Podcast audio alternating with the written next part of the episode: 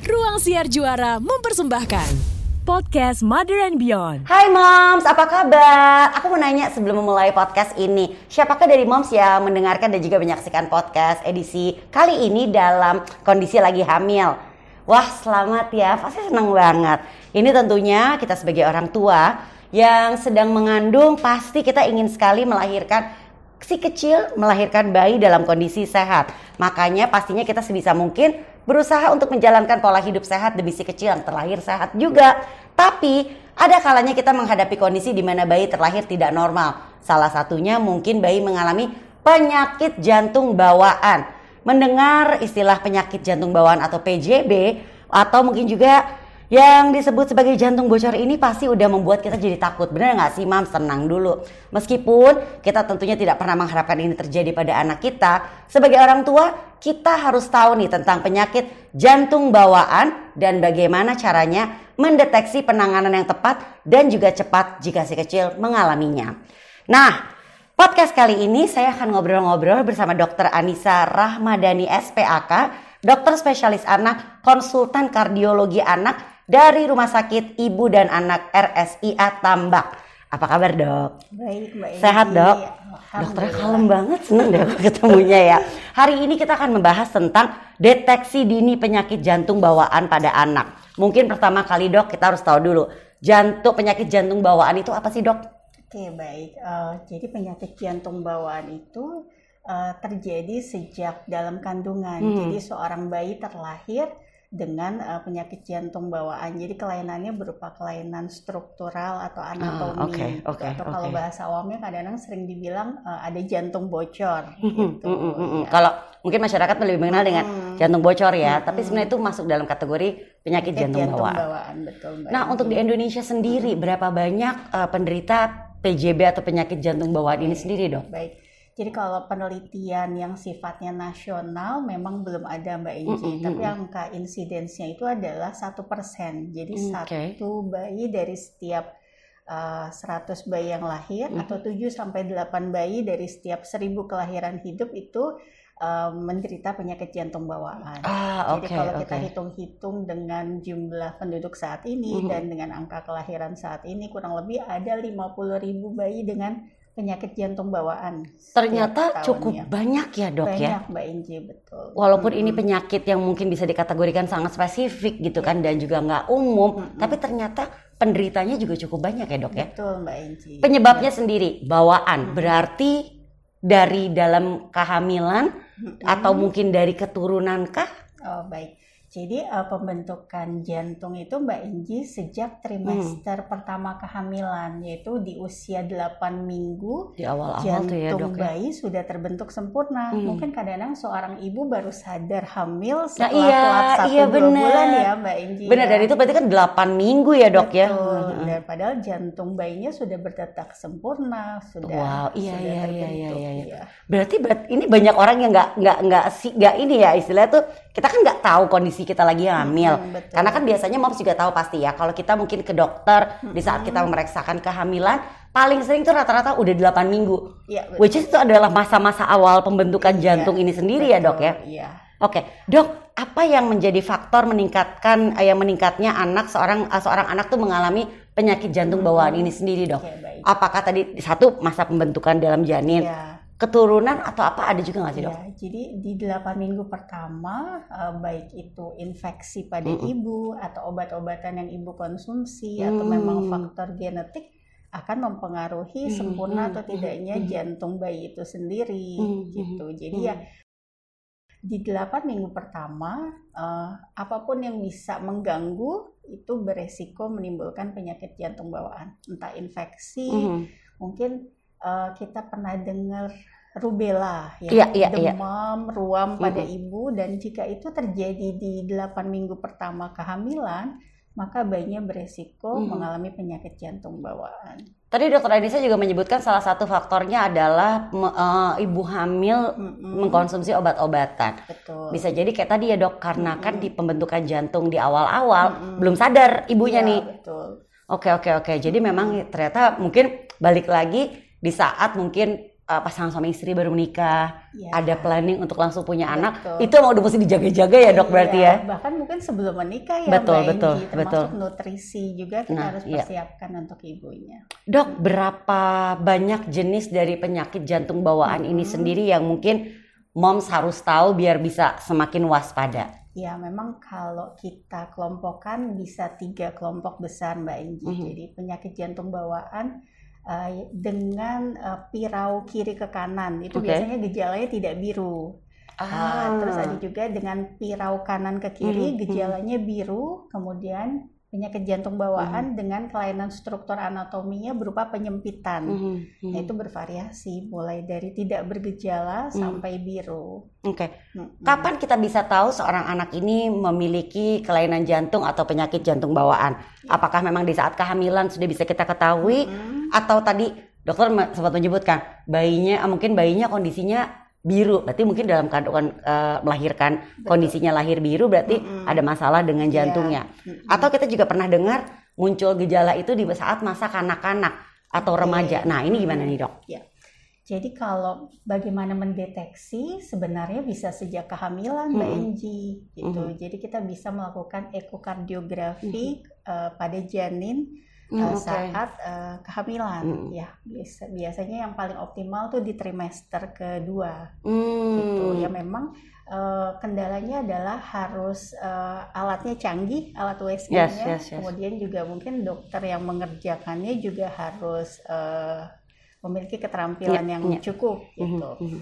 Eh, karena memang kami sebagai dokter jantung anak menunggu Mhm. konsultasi sifatnya Ah, karena kan iya, iya, pasien iya. kita bukan ibu hamil Iya, ya. iya, iya, iya, gitu. iya, iya, iya, Eh, iya, iya. Jadi kita menunggu konsultasi. Jadi kalau dokter Ofgin ya bisa men-screening, Mhm. Bisa konsul kami ke dokter jantung anak. Mhm. Memang kita mungkin tidak bisa mengubah tadinya ada penyakit jantung bawaan jadi, Jadi sehat, enggak gitu tapi ya, Kita bisa merencanakan persalinan Ah. lebih optimal. Mungkin tadinya Baik, mau di baik. klinik gitu supaya Iya, benar-benar. lebih homey ya kadang-kadang Hmm, ibu-ibu hmm, hmm. pengen seperti itu ya sekarang harus lahirnya di rumah, Rumah sakit dengan yang peralatan lengkap ya. Dok ya. Oke, oke. NICU-nya, ada dokter uh, perinanya, Hmm. ada dokter jantung anaknya Hmm, gitu. hmm, hmm, hmm.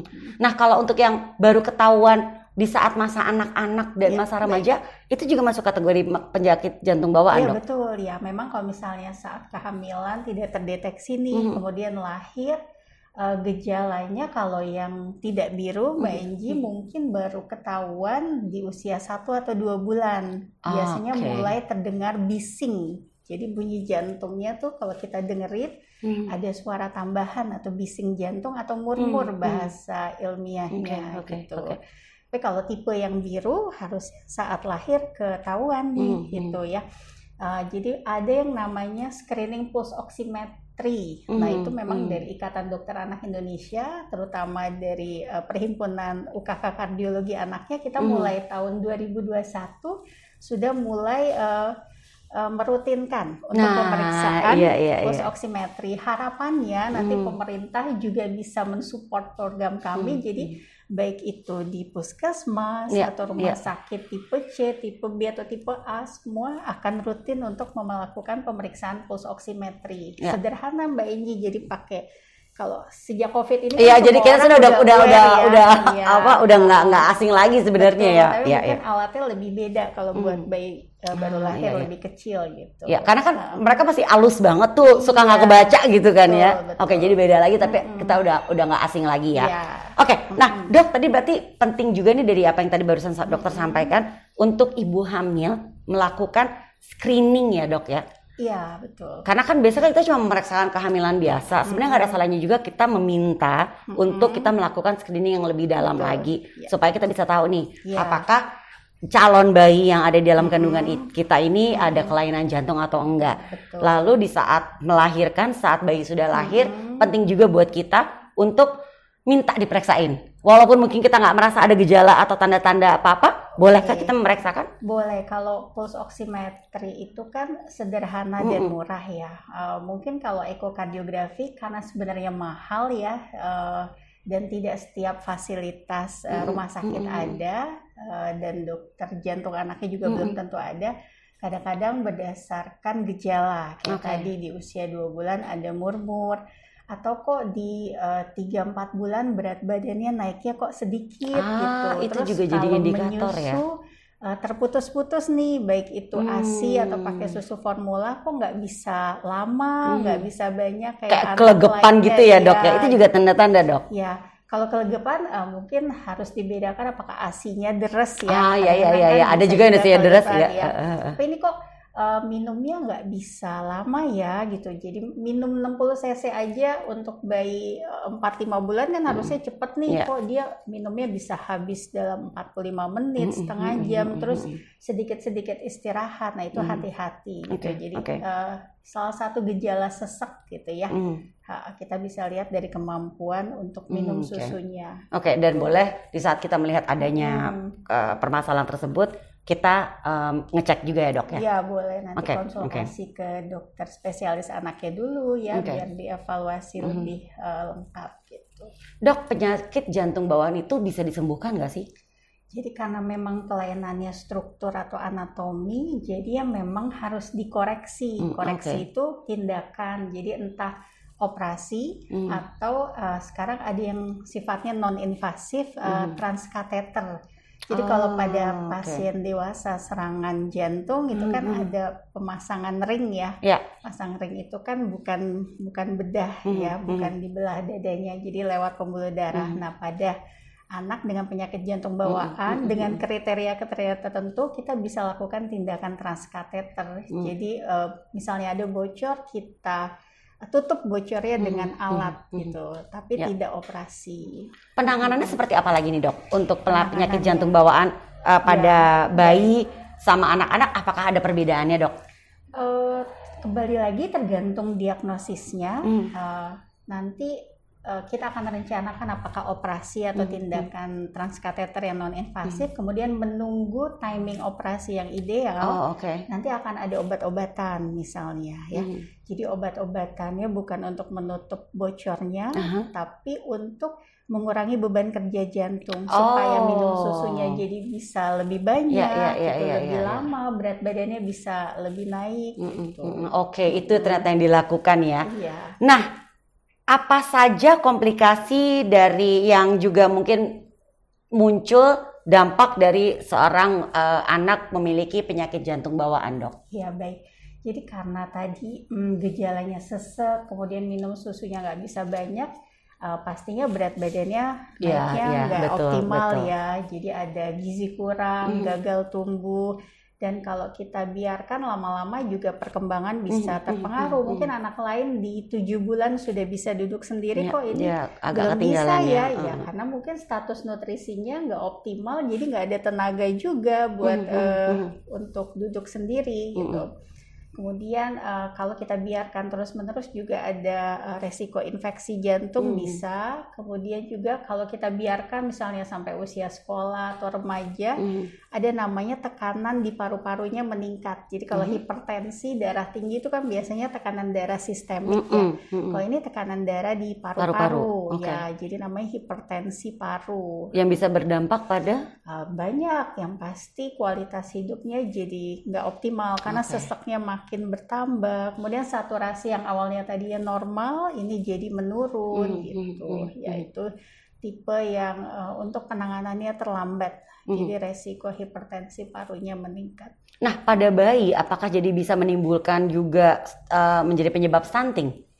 Karena kan tadi kan jadi kurangnya Mm-mm. gizi, gizi Mm-mm. tidak terserap dengan baik gitu. Iya. Ya, kalau stunting itu per definisi kan tinggi badan pendek Mm, eh, karena eh, penyakit mm, ya. mm, mm. Ya kalau memang kita tidak atasi eh, penyakit jantung bawaannya, kemudian kita tidak kasih nutrisi yang optimal, Mm, mm, mm, mm. tentu Bisa pada terjadi ya. bisa stunting. Baik. Ya. Sebagai penutup, Dok, Mm-mm. apa yang bisa dilakukan oleh para bumil? Kita mungkin mulainya lah dari ham- dari Iya, sebelum betul. bahkan sebelum kehamilan ya, para Mm-mm. calon ibu untuk bisa mencegah penyakit jantung bawaan ini. Iya.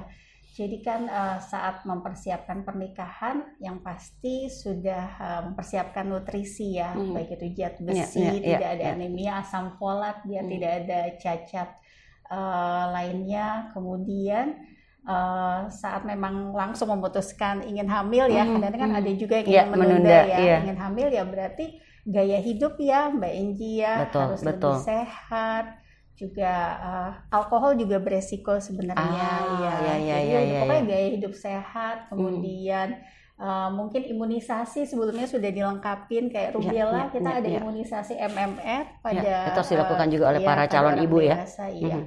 Uh, kemudian uh, kalau memang tidak ada keturunan pada keluarga sih biasanya kemungkinannya lebih jarang ya.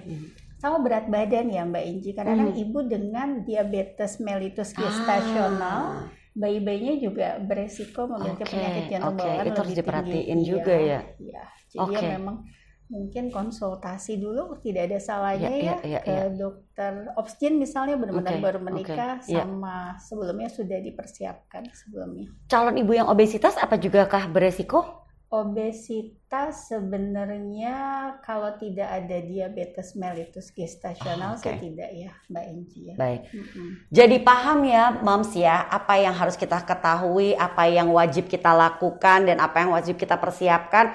Tentunya dalam rangka kita tahu penyakit jantung bawaan pada anak ini. Jelas sekali apa yang sudah disampaikan oleh Dr. Anissa Rahmadani SPAK, dokter spesialis anak, konsultan kardiologi anak dari Rumah Sakit Ibu dan Anak RSIA Tambak. Dr. Anissa terima kasih ya sudah kasih, menjelaskan kita jadi tahu nih jadinya lebih dalam lagi apa itu penyakit jantung bawaan dan bagaimana cara kita mendeteksinya. Sehat selalu dok. Sama-sama Terima kasih juga buat moms yang sudah mendengarkan dan juga menyaksikan podcast Mother and Beyond. Thank you for listening to podcast Mother and Beyond. Untuk info menarik lainnya, klik motherandbeyond.id serta follow Instagram, Twitter, dan TikTok at motherandbeyond.id, Facebook, dan subscribe YouTube channel Mother and Beyond. Mother and Beyond, your guide to motherhood and beyond.